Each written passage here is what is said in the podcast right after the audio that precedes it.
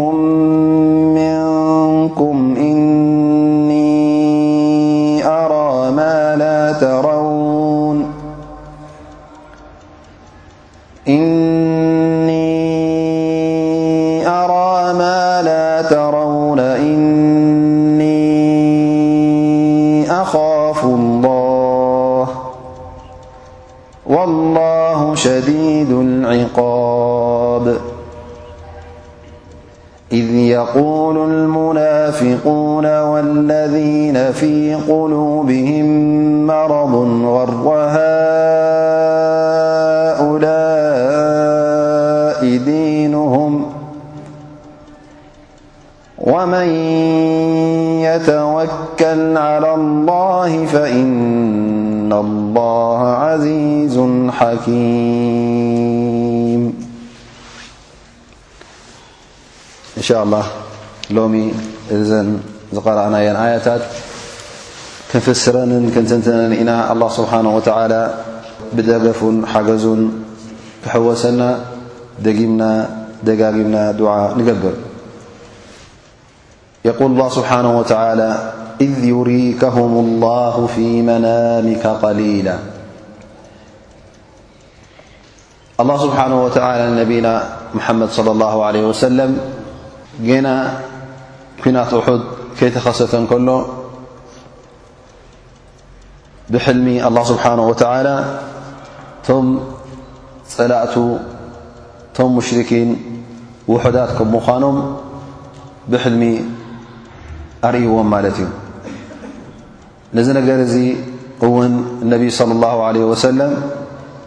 ነቶም ኣስሓቦም ነቶም ብፆቶም ኣላ ስብሓን ወተላ ብሕልሚ ፀላእትና ውሑዳት ከም ምዃኖም ኣርእዩኒ ኢሎም ነጊሮሞም ማለት እዩ እዚ ሕጂ እንታይ ሂቦም ነቶም ኣስሓብ ነቢይ صለ ላሁ ለ ወሰለም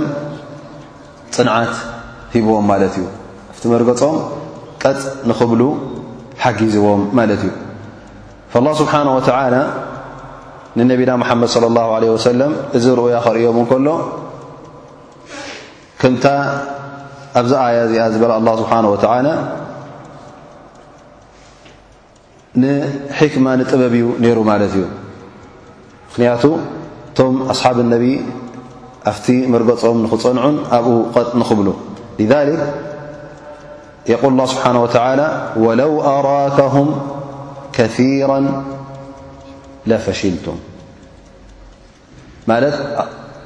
ብሕልሚ ብዙሓት ከም ምዃኖም ቁፅሮም ዓብዪ ከም ምዃኑ ተራእዩካ ነይሩ እንተዝኸውን እዚ ንዓኹም ማለት ንኹሉ እቲ ሰራዊት ናይ እስላም መፍርሆም ነይሩ ወለው ኣራከሁም ከራ ለፈሽልቱም ወለተናዛዕቱም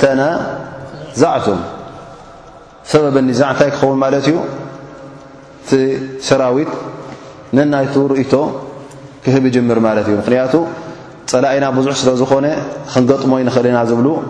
እሞ እንታይ ገበር ምናልባሽ ገሊኦም እብሉ ንፅናሕ ንፀበ ክሳዕ መደድ ሓገዝ ካብ መዲና ንጥለብ ዝብል ርእቶም ን ክንመፅእ ገሊኦም ድማ ንመለስ ሕጂ ንሕና ኣይተዳለናን ኣለና፣ ጸላእትና እውን ካባና ይበዝሑ ዝብል ርእይቶ ገይሮም ንመለስ ዝብሉ ኣይምተሳሉ። ገሊኦም ድማ ንግጠም ደኣ ስለምንታይ ንምለስ ንሕና ካብ መፃና ካብ ወፃና ኣላ ምሳና ኢሎም እውን እቲ ርእይቶታት ሕጂ እንታይ ክኾነ ነይሩ ምበዝሐ ነይሩ። ወኒዛዕ ኩሉ ግዜ እንተ ደኣ ምስሕሓብ ኣሎ ኮይኑ እቲ ሰራዊት ሓንቲ ርእቶ እንተ ደኣ ዘየላ ኮይና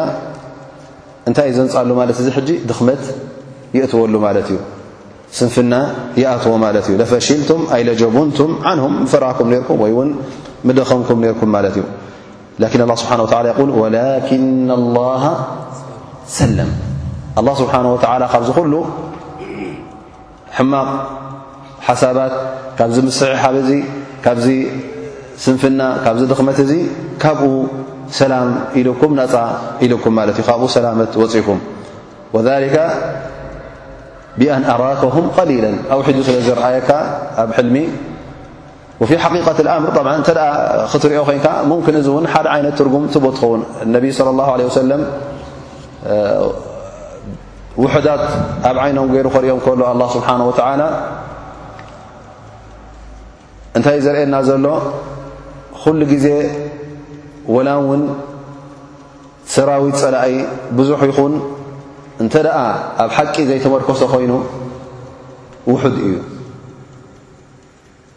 ወላ ውን ቁፅሩን ብረቱን ሰራዊቱን ኣፅዋሩን ይብዛሕ ዳኣ እምበር ኣብ ቅድሚ እቲ ሰራዊት ናይ ሓቂ እዚ ብዙሕ ትብሎ ዘለኻ ውሑድ እዩ ማለት እዩ ላ ስብሓን ወተላ ነቢና ሓመድ ስ ሰለም ከም ውሑዳት ገይሩ ኣርእዎም ማለት እዩ إذ يريكهم الله في منامك قليلا ولو أراكهم كثيرا لفشلتم ولتنازعتم في الأمر ولكن الله سلم إنه عليم بذات الصدورالله سبحانه وتعالى كلشنيفكان ፈካነ ኣላ ስብሓን ወተላ ያዕለም እንተ ደኣ ብዙሓት እዮም ዝብል ወረ ኣብቲ ሰራዊት እስልምና መፅኡ ነቲ ሰራዊት እስልምና ነቲ ሰራዊት ምስ ነቢ ስለ ላ ሰለም ዘሎ ከናቑቶን ነንሕዱ ከሳሕቦን ከም ዝኽእል እዚ ከምዝኣመሰለ ዓይነት ወረ ስለዚ ኣላ ስብሓን ወተላ ምእንቲ ኣብቲ መርገፆም ቀጥ ንኽብሉ ዳኣኑ እዚ ኣስለን ተፈጥሮኣዊ ጉዳይ ማለት እዩ ባህርያዊ እዩ ወዲ ሰብ ኩሉ ግዜ እንተ እቲ ጸላኢኻ ብዙሕ ኣጽዋር ብዙሕ ሰራዊት ኣለዎ ኮይኑ ኩሉ ግዜ ንስኻት እተ ውሑድ ኮንካ ትፈርህ ኢኻ ኣ ጠቢዓት እንሳን ሓደ ሰብ ዓሰርተ ሰብ ክገጥሞ ከለዉ ሕጂ እንታይ ኣለዎም ኣይብልን እዩ የፍርዎ እዮም ላኪን ሓደ ምስ ሓደ ሰብ ክኸውን ከሎ ትብዓት ይስምዖ ማለት እዩ ሃذ ኣላ ስብሓን ወተላ ንወዲ ሰብ ከምዚ ገይሩ ዩ ከሊቕዎ ذ ኣላ ስብሓን ወተላ እዚ ስለ ዝኾነ ካልእ ነዚ ተፈጥሮኣዊ ጉዳይ እዚ ንዕኡ ዝዓግት ወይ ከዓ ንዕኡ ዝግምጥል ኣላ ስብሓን ወተዓላ እቲ ሰራዊት ፀላእዩ ውሑድ ከም ምዃኑ ውሑድ ኢሉ እውን ኣብ ሩኡያ ንነቢና መሓመድ ለ ላ ለ ወሰለም ኣርእዎም ማለት እዩ ወላ ስብሓን ወተላ ያዕለሙ ብዛት ስዱር እዝን እዝን ከም ዝመፅእ ፈልጥ ስለ ዝነበረ ንሱ ንኸይመፅእ ኣላ ስብሓን ወተዓላ በቲ ፍልጠቱ በቲ ኣላ ስብሓን ወተዓላ ወሳኒ ዘይብሉ ደረት ዘይብሉ ፍልጠቱ ኣላ ስብሓን ወተዓላ ስለ ዝፈልጦ ኣላ ስብሓን ወተዓላ ከም ዝኣመሰለ ኸበር ወይ ከዓ ወረ ንኸይመፅእ ሓደ ፍልጠት ነቢና መሓመድ صለ ه ሰለም ኣብ ሕልሚ ዘርኣዮም ኮይኑ ማለት የዕለሙ ካኢነት ኣዕዩኒ ወማ ትኽፊ ሱዱር ላ ስብሓን ወላ ዝሕበኦ ነገር የለን ንሱ ኩሉ ነገር ይፈልጦ እዩ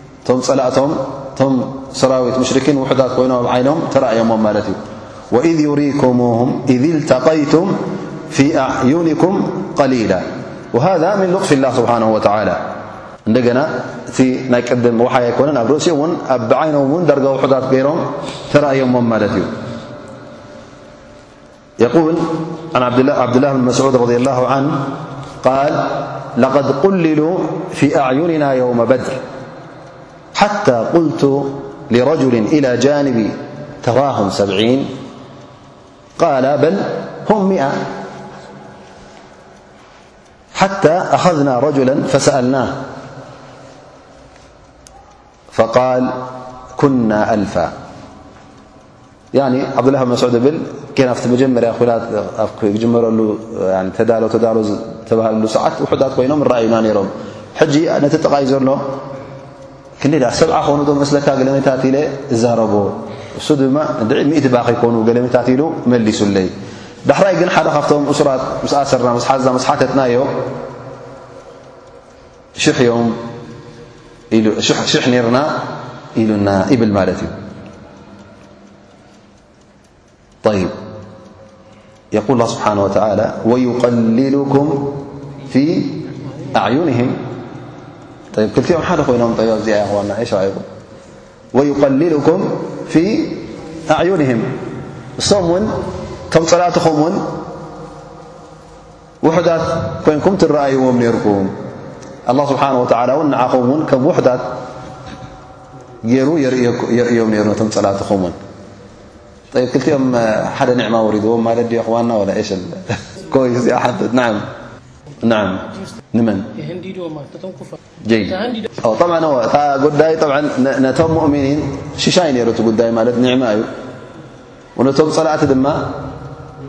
ኒቕማ ማለት እዩ እታ ጉዳይ ሓንቲ እያ ግን ኣላ ስብሓን ወተዓላ እታ ኩናት ክትከውን እደልያ ኣሎ ማለት እዩ ሊኣኑ ብዛ ኩናት እዚኣ ነቶም ሙእምኒን ክዐውቶም እደሊ ኣሎ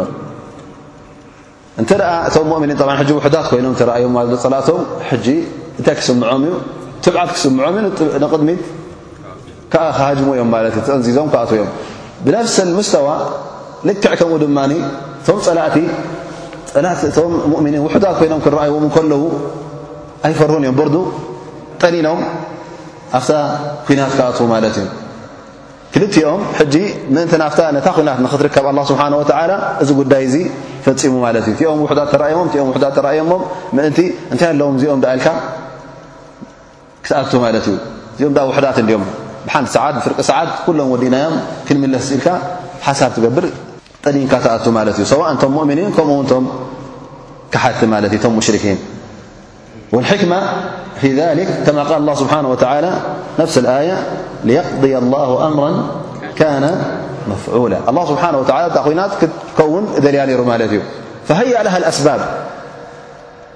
ሃያ ለሃ ኣልኣስባብ እበር ኣላ ስብሓን ወተዓላ ብቐደሙ እታ ቅዲ መውፅእቶም ነቢ ስለ ላ ለ ሰለም ከምኡ ነቶም ብፆቶም እንታይ እያ ነራ ዒር ቁረይሽ ቃፍላታት ናይ ኣቡ ስፍያን እዩ ነይሩ ማለት ንኡ ክወስዱን ንኡ ንኸትሩ ሓሲቡ ነይሩ ግን ኣላ ስብሓን ወተዓላ እቲ ወረ ናብቶም ንኣቡ ስፍያን ከም ዝበፅሕ ገይርዎ ኣቡ ስፍያን ከም ዘምልጥ ቁሬሽ ድማ ንብረታ ኣቡጃሃል ሒዞ መሪሕዎም ድማ ንብረቶም ንኸገላግሉ ተበጊሶም ካብ መካ ማለት እዩ ዳሕራይ እውን ተን ቃፊላታት ተን ኣግማል ናፃ ወፅን ሃዲመን ኣምሊጠን እናፈለጡ ከለዉ ቁሬሽ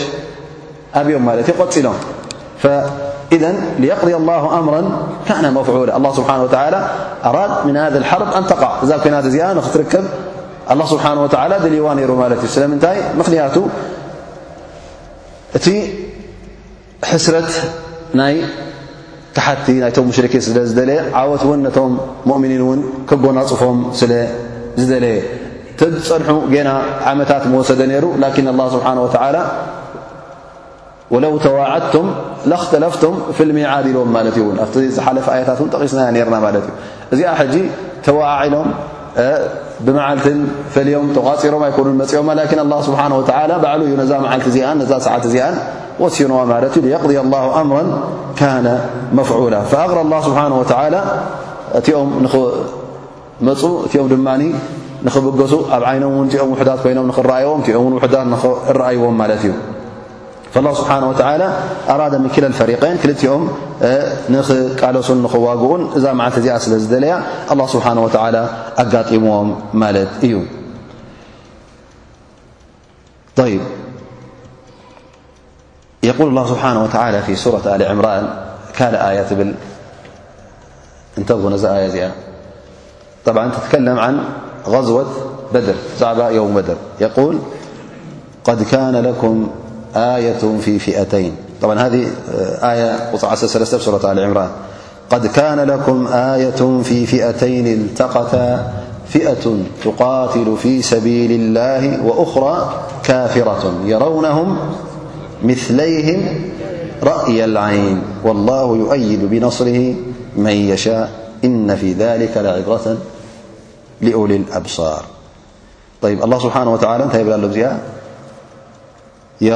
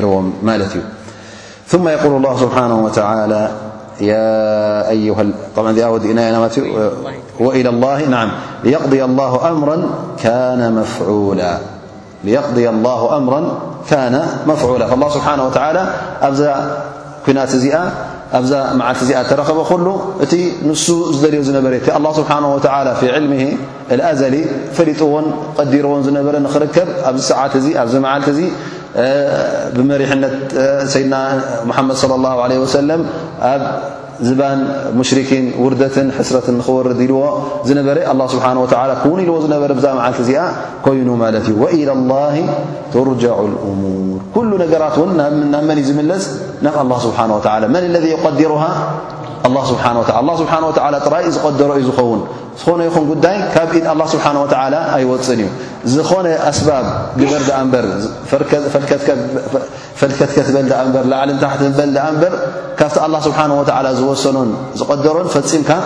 ኣይትወፅን ኢኻ ማለት እዩ ላ ስብሓን ወተዓላ እዛ ኩናት እዚኣ ክትርከብ ደልዋ እነሀ ኩሉ ነገራታ ኣሳሪጡላ ማለት እዩ እቲኦም ንኸይስሕቡ እቲኦም ንኸይሃድሙ እቲኦም ንኽሰዓሩ እቲኦም ኩሉ ነገራት ኣላ ስብሓን ወተዓላ ባዕሉ ቐዲርዎ ማለት እዩ ወዲ ሰብ እወ ገለገለ ኣስባብ እገብር ላኪን ፈፃሚ ነዚ ነገር እዙ ይኮነን ላኪን ኣላ ስብሓን ወተዓላ ህወ ለذ ይቀዲሩ ልእሙር ወኢለይህ ትርጃዑ ልእሙር ኩልሃ ናብ ኣላ ስብሓን ወተዓላ ኩሉ እውን ክፅጋዕ ኣለዎ ማለት እዩ ዓወት እንተኣ ተረኪቡ ካብ ኣላ ስብሓን ወተዓላ እዩ ዝርከብ ኩናት እንተ ተረኪቡ እውን ኣላ ስብሓን ወተዓላ ደልዎ እዩ ዝርከብ ዘሎ ማለት እዩ ካብ ኢዱ ምኽንያቱ ኩሉ ኣብ ኣዱንያ ዘሎ ኣብዚ ዓለም ዘሎ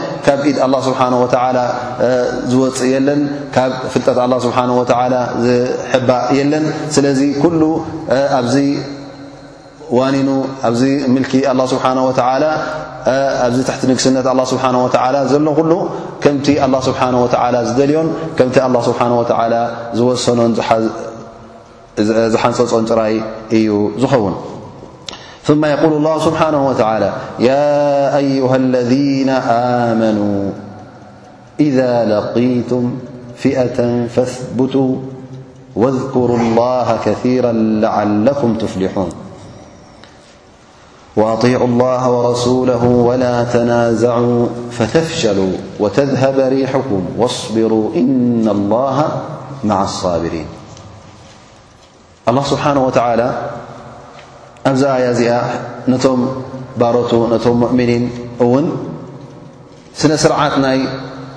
ኩናት እውን የምህሮም ኣሎ ማለት እዩ። እዚ እውን ትምህርቲ ማለት እዩ። ከመይ ገይሮም ነቲ ጸላኢኦም ክስዕርዎ ከም ዝኽእሉ፣ ከመይ ገይሮም ትብዓት ክለብሱ ከም ዝኽእሉ፣ ከመይ ገይሮም ንጸላኢኦም ከውድቕዎ ከም ዝኽእሉ ኣላ ስብሓን ወተዓላ እንታይ እንታይ ክጥቀሙ ከም ዘለዎም ኣይ ናይ ኣስባብ እዮም ክማልኡ ዘለዎም እውን ኣላ ስብሓን ወተዓላ ኣብዚ ኣያ እዚኣ ይሕብር ኣሎ ማለት እዩ ፈየቁል ያ ኣዩሃ ለذና ኣመኑ ጻውዒት ማለት እዩ ነቶም ሰብ ኢማን ነቶም ኣመንቲ ያ ኣዩሃ ለذነ ኣመኑ ኢዛ ለቂቱም ፊኣ እንተ ደኣ ኣብ ዓውደ ኺናት ማለት እዩ ዝኾነ ይኹን ሰባት ንኽትዋግእዎም ኢልኩም ኣብ ዓውደ ኺናት እንተ ደኣ ወሪድኩም የቁል ፈቡቱ ፈቡቱ እዚኣታ ቐንዲታ ቀዳመይቲ ትምህርትን ቀዳመይቲ ምኽርን ማለት እዩ ማለት ቀጥ በሉ ثبت في الصحيحين عن عبدالله بن أبي أوفى عن رسول الله صلى الله عليه وسلم أنه انتظر في بعض أيامه التي لقي فيها العدو حتى إذا مالت الشمس قام فيهم فقال يا أيها الناس لا تمنوا لقاء العدو لا تتمنوا لقاء العدو واسألوا الله العافية فإذا لقيتموهم فاصبروا واعلموا أن الجنة تحت ظلال السيوف ثم قام النبي صلى الله عليه وسلم وقال اللهم منزل الكتاب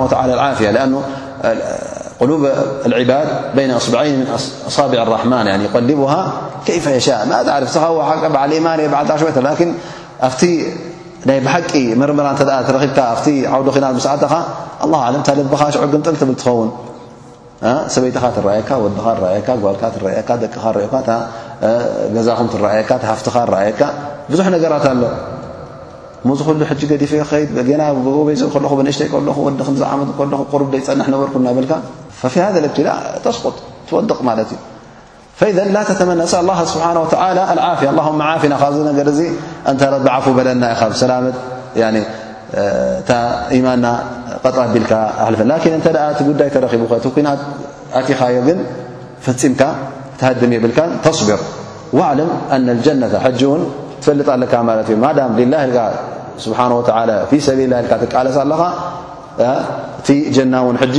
ኣብ ትሕቲ ጽላል ናይዚ ሴፋ ኣሎ ማለት እዩ። ኢዘን ሴፍ ኣብ ርእስኻ ኣብ ልዕሊ ርእስኻ ክሓልፍ እንከሎ ተኣከት እስኻ ኣብ ጀና ቀሪብካ ኣለኻ ማለት እዩ። ንጀና መእተዊኻ ትገብር ዘለኻ ማለት እዩ። ባዕደ ዛሊክ ኣነቢ ሰለላሁ ዓለይሂ ወሰለም ቃም ፈደዓ ኣላህ ስብሓነሁ ወተዓላ ዱዓ ገይሩ ማለት እዩ ኣላሁመ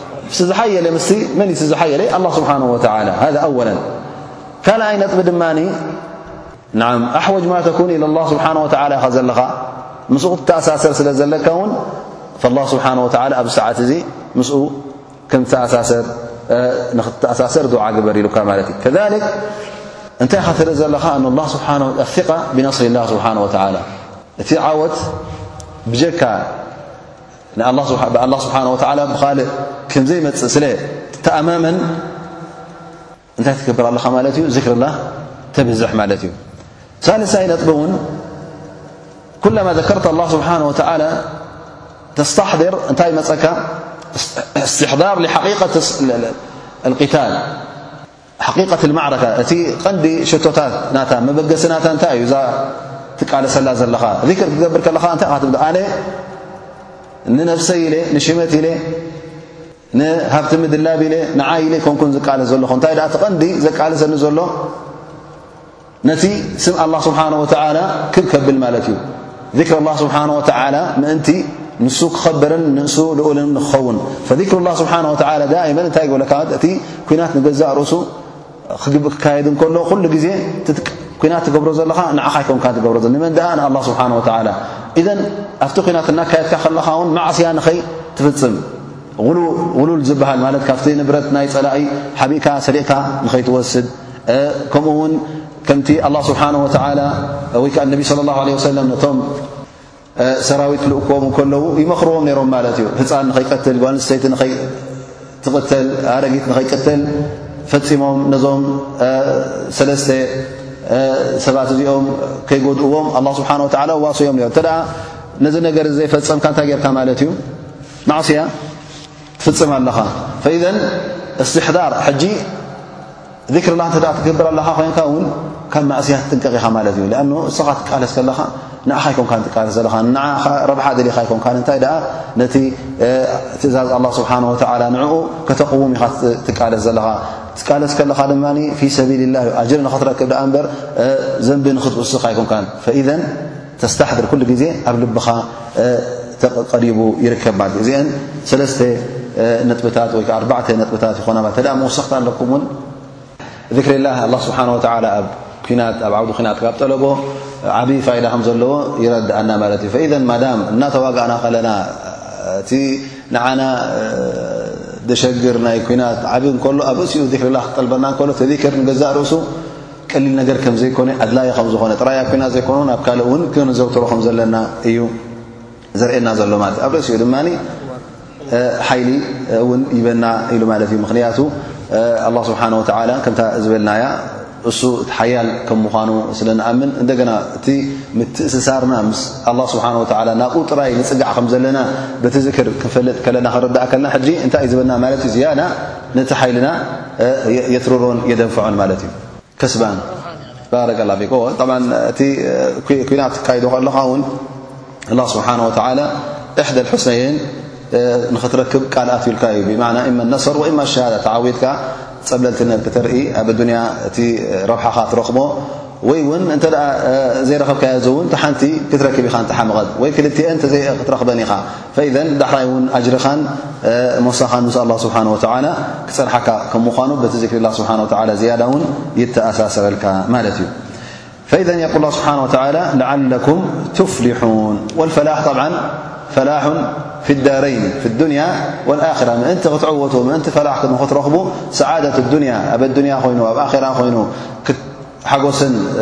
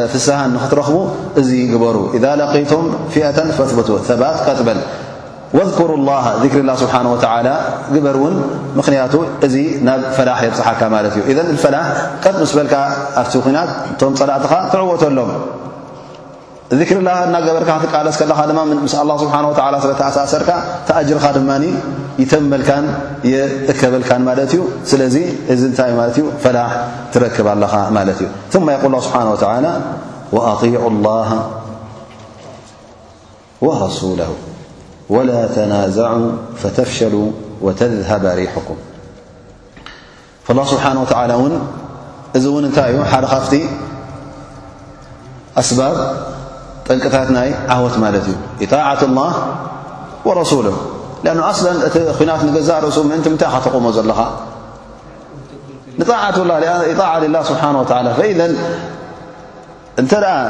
እቲ ንገዛእ ርእሱ እቲ ዝግበር ዘሎ እቲ ቐንዲ ተግባር እቲ ናይ ጅሃድ ኮይኑ እቲ ናይ ቃልሲ ናይ ኩናት ንሊላ ስብሓን ወተላ ትእዛዝ ኣላ ስብሓን ወላ ንኸተኸብር ሊላ ኢልካ ትገብርኻ ኣለኻ እዘን ኩሉ እቲ ምስ ተኣሳሲሩ ዝኸይድ እውን ኣብ ትሕቲ እዙ ዓብዪ ምእዘዛ እዚ ክቕፅል ኣለዎ ማለት እዩ ኣጢዑ ላሃ ወረሱላ ንኣላ ስብሓን ወተዓላ እውን ንነቢና ሙሓመድ ለ ላ ለ ወሰለም እውን ነቶም መሪሕነትካ እውን እንታይ ግበር ማለት እዩ ተማእዘዝ እዚ እውን ኣላ ስብሓን ወተዓላ ምእንቲ ምንታይ እዩ ልከይ የድኹሉ ልማዕረካ ሙስተስሊሚና ልላህ እብትዳእን እዘን ኩሉ እቲ ትገብሮ ዘለኻ ንኣላ ስብሓን ወተዓላ ኣስተስሊምካ ክትኣትዎ ከምቲ ዝበልናዮ እቲ ኲናት ንገዛእ ርእሱ ንሊላህ ኢልካ ክትገብሮ ዘለኻ ኢዘን ምስ ኣተኻ ውን ክትኣቱ ከለኻ እውን ኩሉ እቲ ናብኡ ትገብሮ እውን ሊላህ ጥራይ ከም ምዃኑ ኣብ እዝንኻ ንኽስቆረካ ማለት እዩ ፈኢዘን ኩሉ እቲ ናይ ኣዱንያ ነገራት ኩሉ ክትርስዖ ማለት እዩ ናይ ኣዱንያ ራህዋን ናይ ኣዱንያ ድልትን ኩሉ ካባኻ ክርሕቕ ኣለዎ ማለት እዩ እንታይ ደኣ እቲ ምእዘዛ ናይ ኣላ ስብሓን ወተዓላን ናይ ነቢና ምሓመድ ለ ላ ለ ወሰለም ክት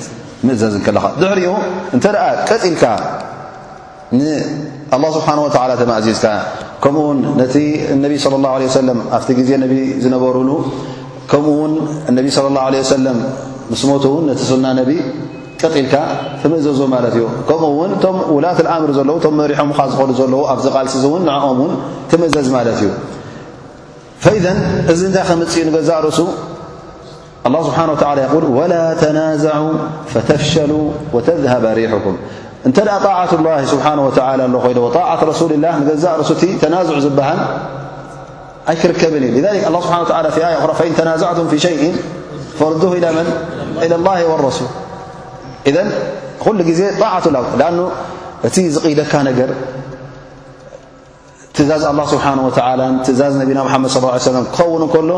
እቲ ናይ ሻህዋ ናይ ነፍሲ ድልት ናይ ነፍሲ ኩሉ ክውገድ እንከሎ ኩላካ ሕጂ ድልትካ እንታይ ክኸውን እዩ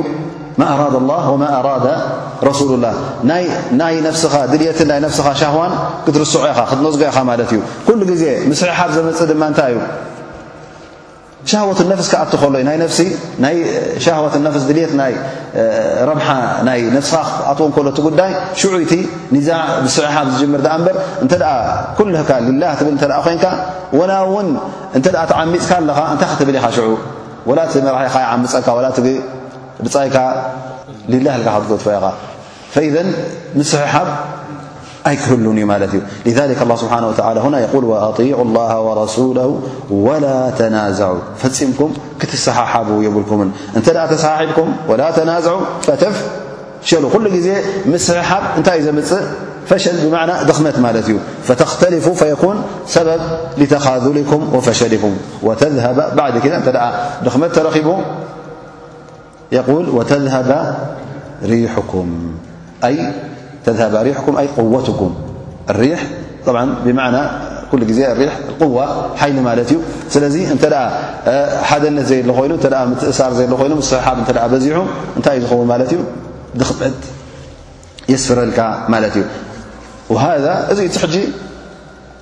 ኣብዚ ዓለም ነቲ እስላማይ ክንሪኦ ከለና እቲ ቐንዲ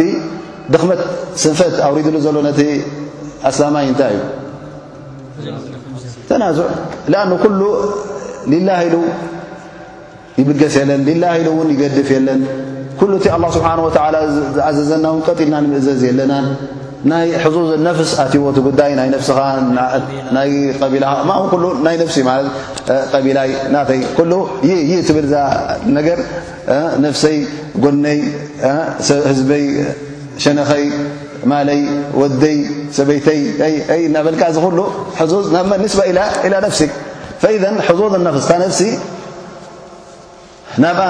ስለ ዘእተናያ ናይ ነፍሲ ስለ ዘእተናላ ኩሉ ግዜ ሕጅ እንታይ ኮንትሰብ ፈሽል እቲ ምትእስሳር የለን ተናዙዕ ተረኺቡ ድኽመት ተረኺቡ ማለት እዩ ወተዝሃባ ሪሑኩም ዓላ ማ ኩንቱም ዓለይ ምን ልእቅባል ወላ እውን ድልት ናይ ቃልሲ ይሃልኻ ወላ እውን ድልት ናይ ዓወት ይሃልኻ ወላ እውን ፀላኢኻ ንክትስዕሮ ድልት ይሃልኻ እንተ ደኣ ምእዘዛ ዘየሎ ኮይኑ ሓደነት ዘየሎ ኮይኑ እንተ እቲ ኒዛዕ ዘይጠፈአ ኮይኑ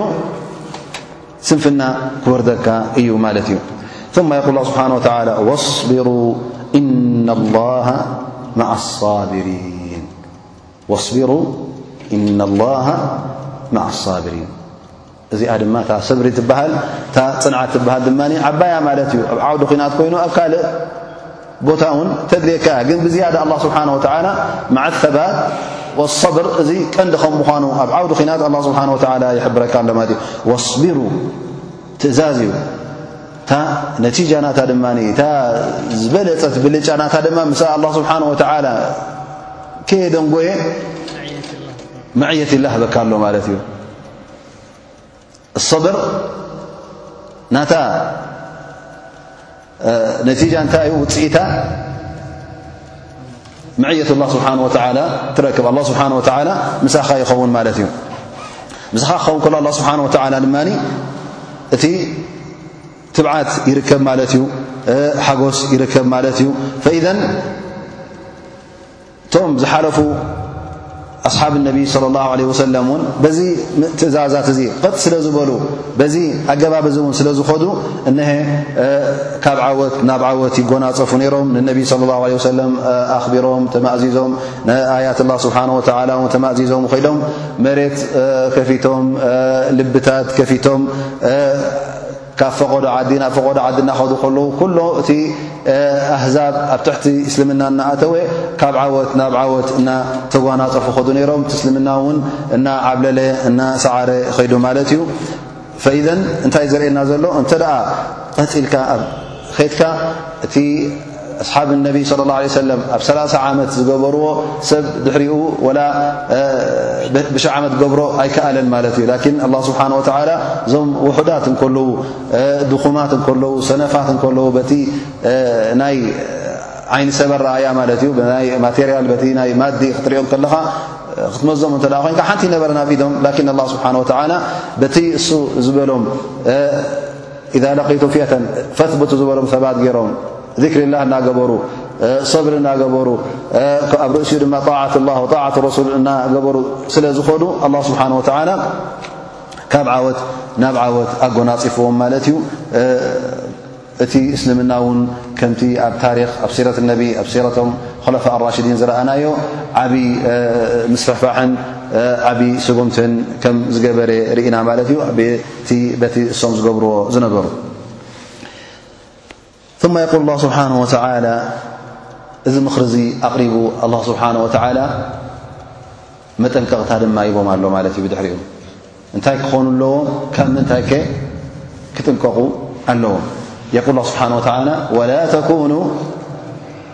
كالذين خرجوا من دياርهم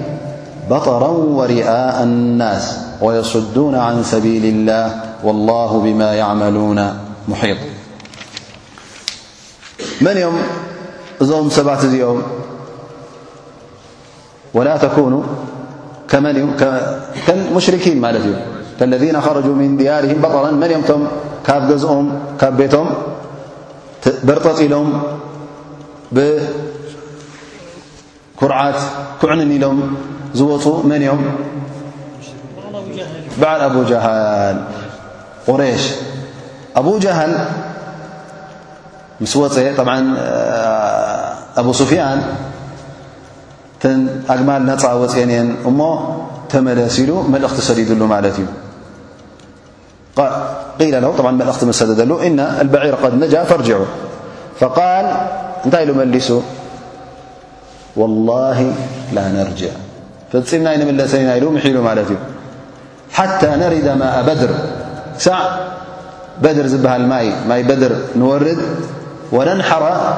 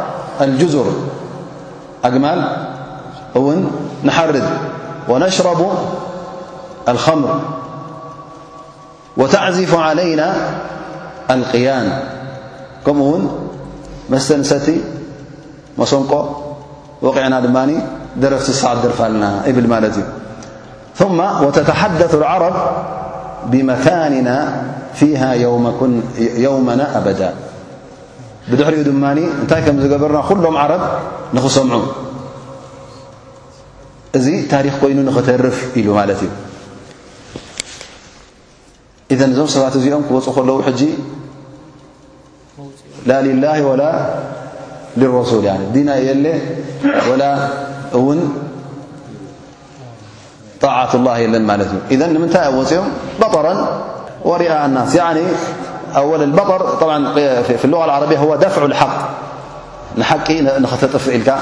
ነቲ ሓቂ ንኽድምስስ ኢልካ ኩርዓት ተሰሚዑካ ትዕቢት ተሰሚዑካ ብትዕቢትካ ነቲ ሓቂ ንኽድምስስ ኢልካ ክትወፅእ ከለኻ ማለት እዩ ወሪኣ ኣናስ ጠብዓ ማዕሩፍ ሰብ ንኽርኢ ረኣዩለይ ስምዑለይ ማለት እዩ ተፋኩር ተፋኹር ወተከቡር ተከቡር ጌርካ ምእንቲ መን ከማና ንኽትብል ማለት እዩ እሞ ታቐንዲ መውፅኢቶም እንታይ እያ ነይራ ቁሬሽ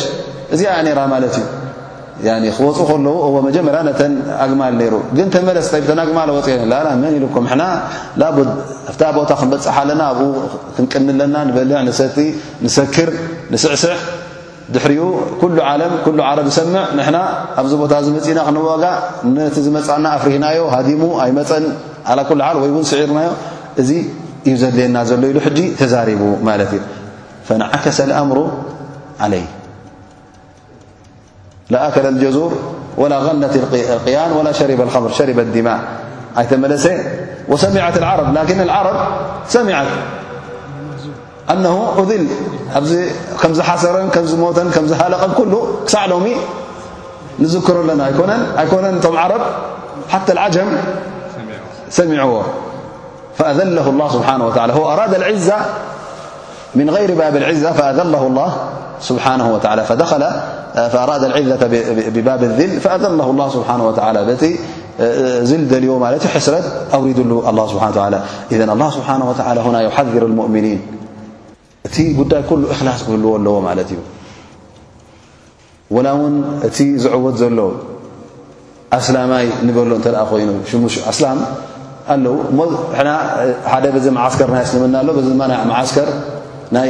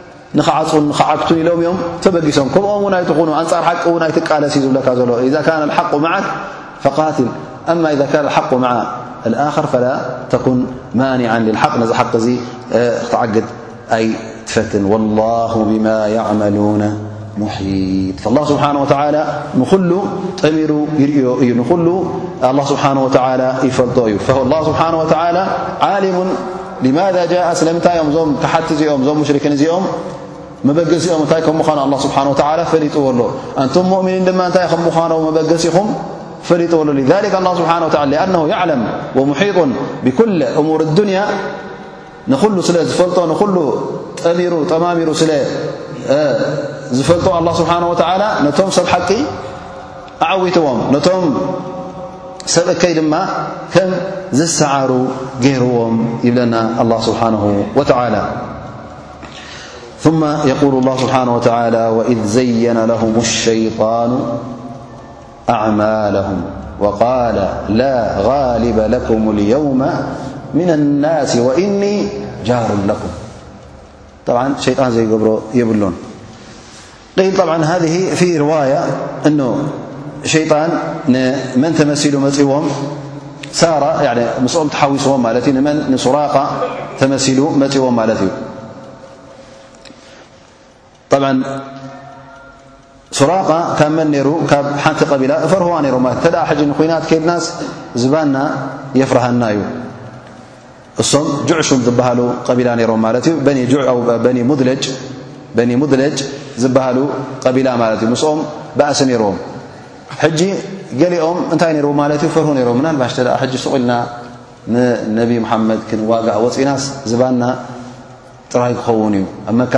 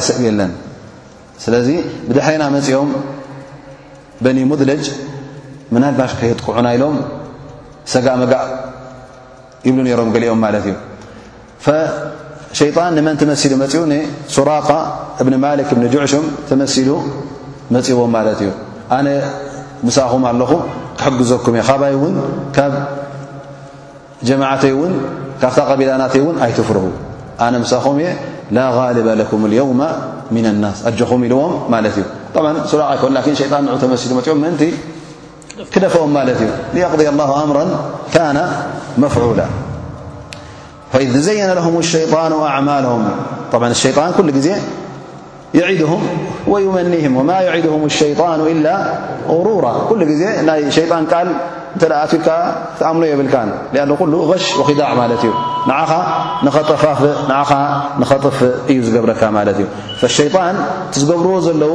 ሰናይ ተግባር ገይሮም ኣብ ዓይኑ ኣቕሪቡሎም ማለት እዩ ክዕወቱ ከም ምዃኖም ፅባሕ ንኮ ነዞም ኣስላም ቁርፅቁርፅ ኣቢሎም ተመሊሶም ክርይሑ ከም ምዃኖም ጥራይ ገይሩ እታ ጉዳይ ኣፀባቢቑ ኣርእዎም ማለት እዩ ወይ ዘየነ ለሁም ሸይጣኑ ኣዕማልም ወቃል ላ غሊበ ለኩም ልየውመ ምና ናስ ፈፂሙ ሎም መዓልቲ ንዓኹም ዝኸለኩም ኢልኩም ንዓኹም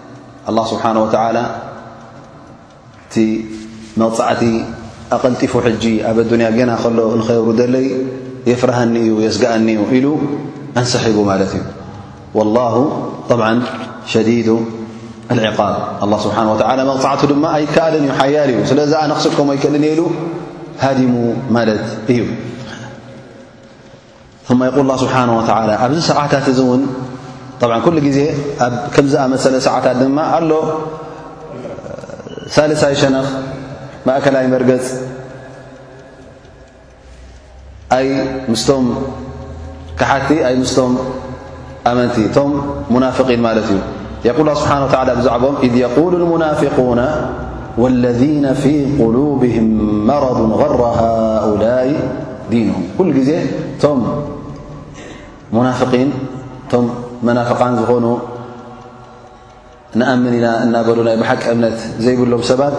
ኩሉ ግዜ ኣብቲ ምፍሕፋሕ ክርከብ ከሎ ኩናት ክረከቡ እንከሎ ሽዑ ነቲ ሰራዊት ናይ ኢማን ንዕኡ ከናእሱን ንዕኡ ከናሽውን ከቃልሉን ኢኻ ትረኽቦም ማለት እዩ እንታይ ክብሉ ጀሚሮም እዞም ሙናፍቒን እዚኦም ቂል እነ ሃኡላ ሙናፍቒን ም እቶም ኣብ መካ ዝነበሩ ነይሮም ኣብ መስሊምና ኢሎም ገና ግን እቲ እስልምና ብሓቂ ኣብ ልቦም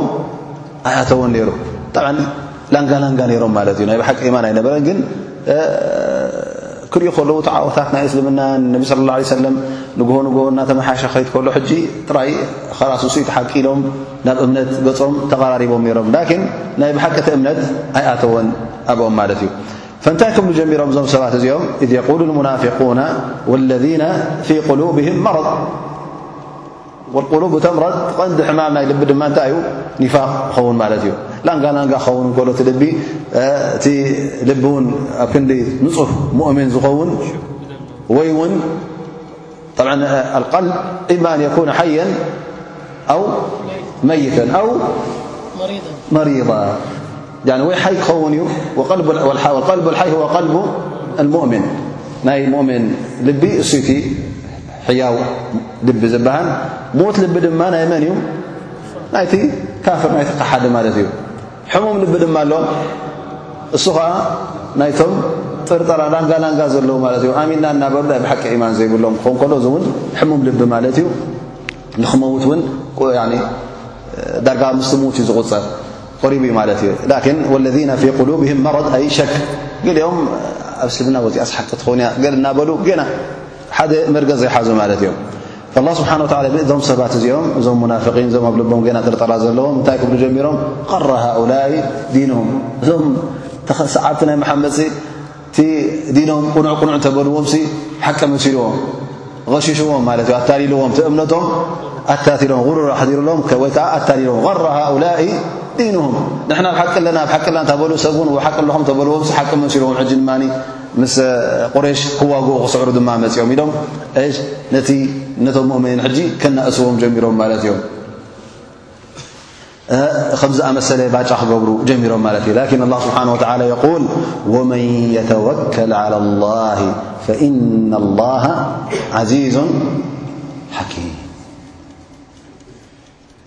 ወመን የተወከል ዓላ ላህ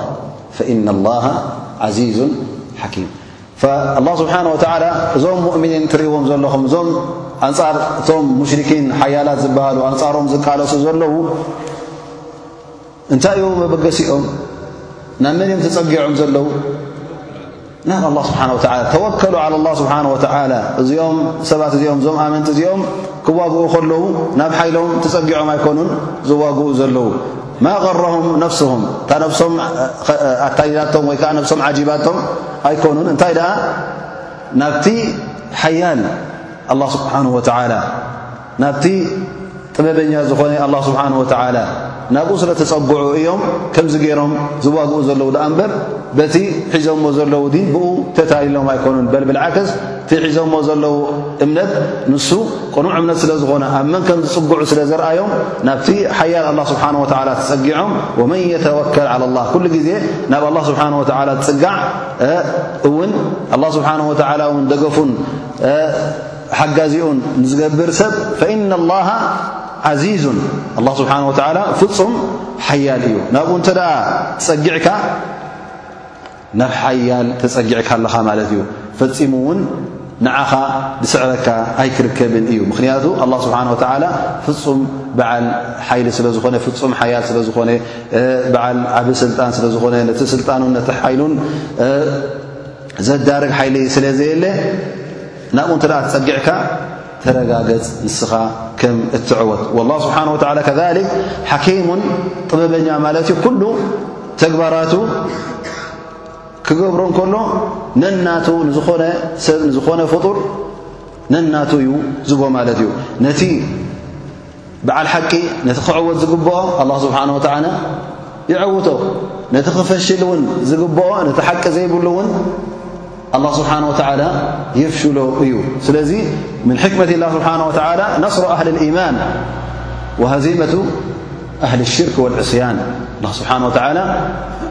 ካብቲ ጥበቡ ነቶም ሰብ ኢማን ነቶም ንኣላህ ስብሓን ወተዓላ ዝምእዘዙ ንዕኦም የዐውቶም ነቶም ክሓትን ነቶም ሙሽርኪንን ነቶም ተጻባእቱን ድማ ኣላ ስብሓን ወተዓላ የውድቖም እዩ በዚ እናበለ ኣላ ስብሓን ወተዓላ ፈኢና ላሃ ዓዚዙን ሓኪም እናበለ ነዚ ኣያ እዚ ኣላ ስብሓን ወተዓላ ይድምድማ ማለት እዩ ንሕና እውን ናይ ሎም መዓልቲ ደርስና በዚ ይድምደም እስኣል ላ ስብሓን ወተዓላ ኣን የንፋዕና ብማ ሰሚዕና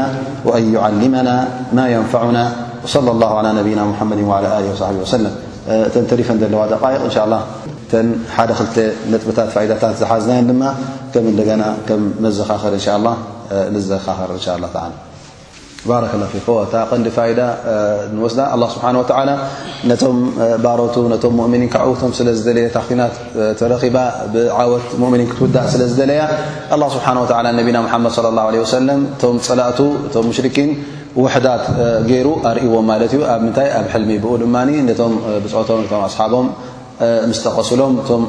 ብፆቶም እውን ነቲ ውገ ንክኣትዎ ተተባቢዖም ኣትዮሞ ማለት እዩ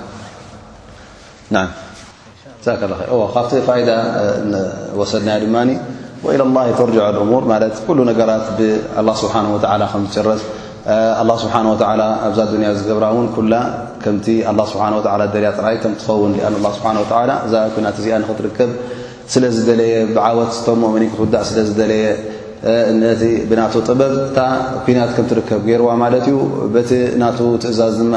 እቲ ጉዳይ ኩሉ ተጨሪሱ ማለት እዩ በቲ ናይ ኣላ ስብሓን ወተላ ውሳነ እዘን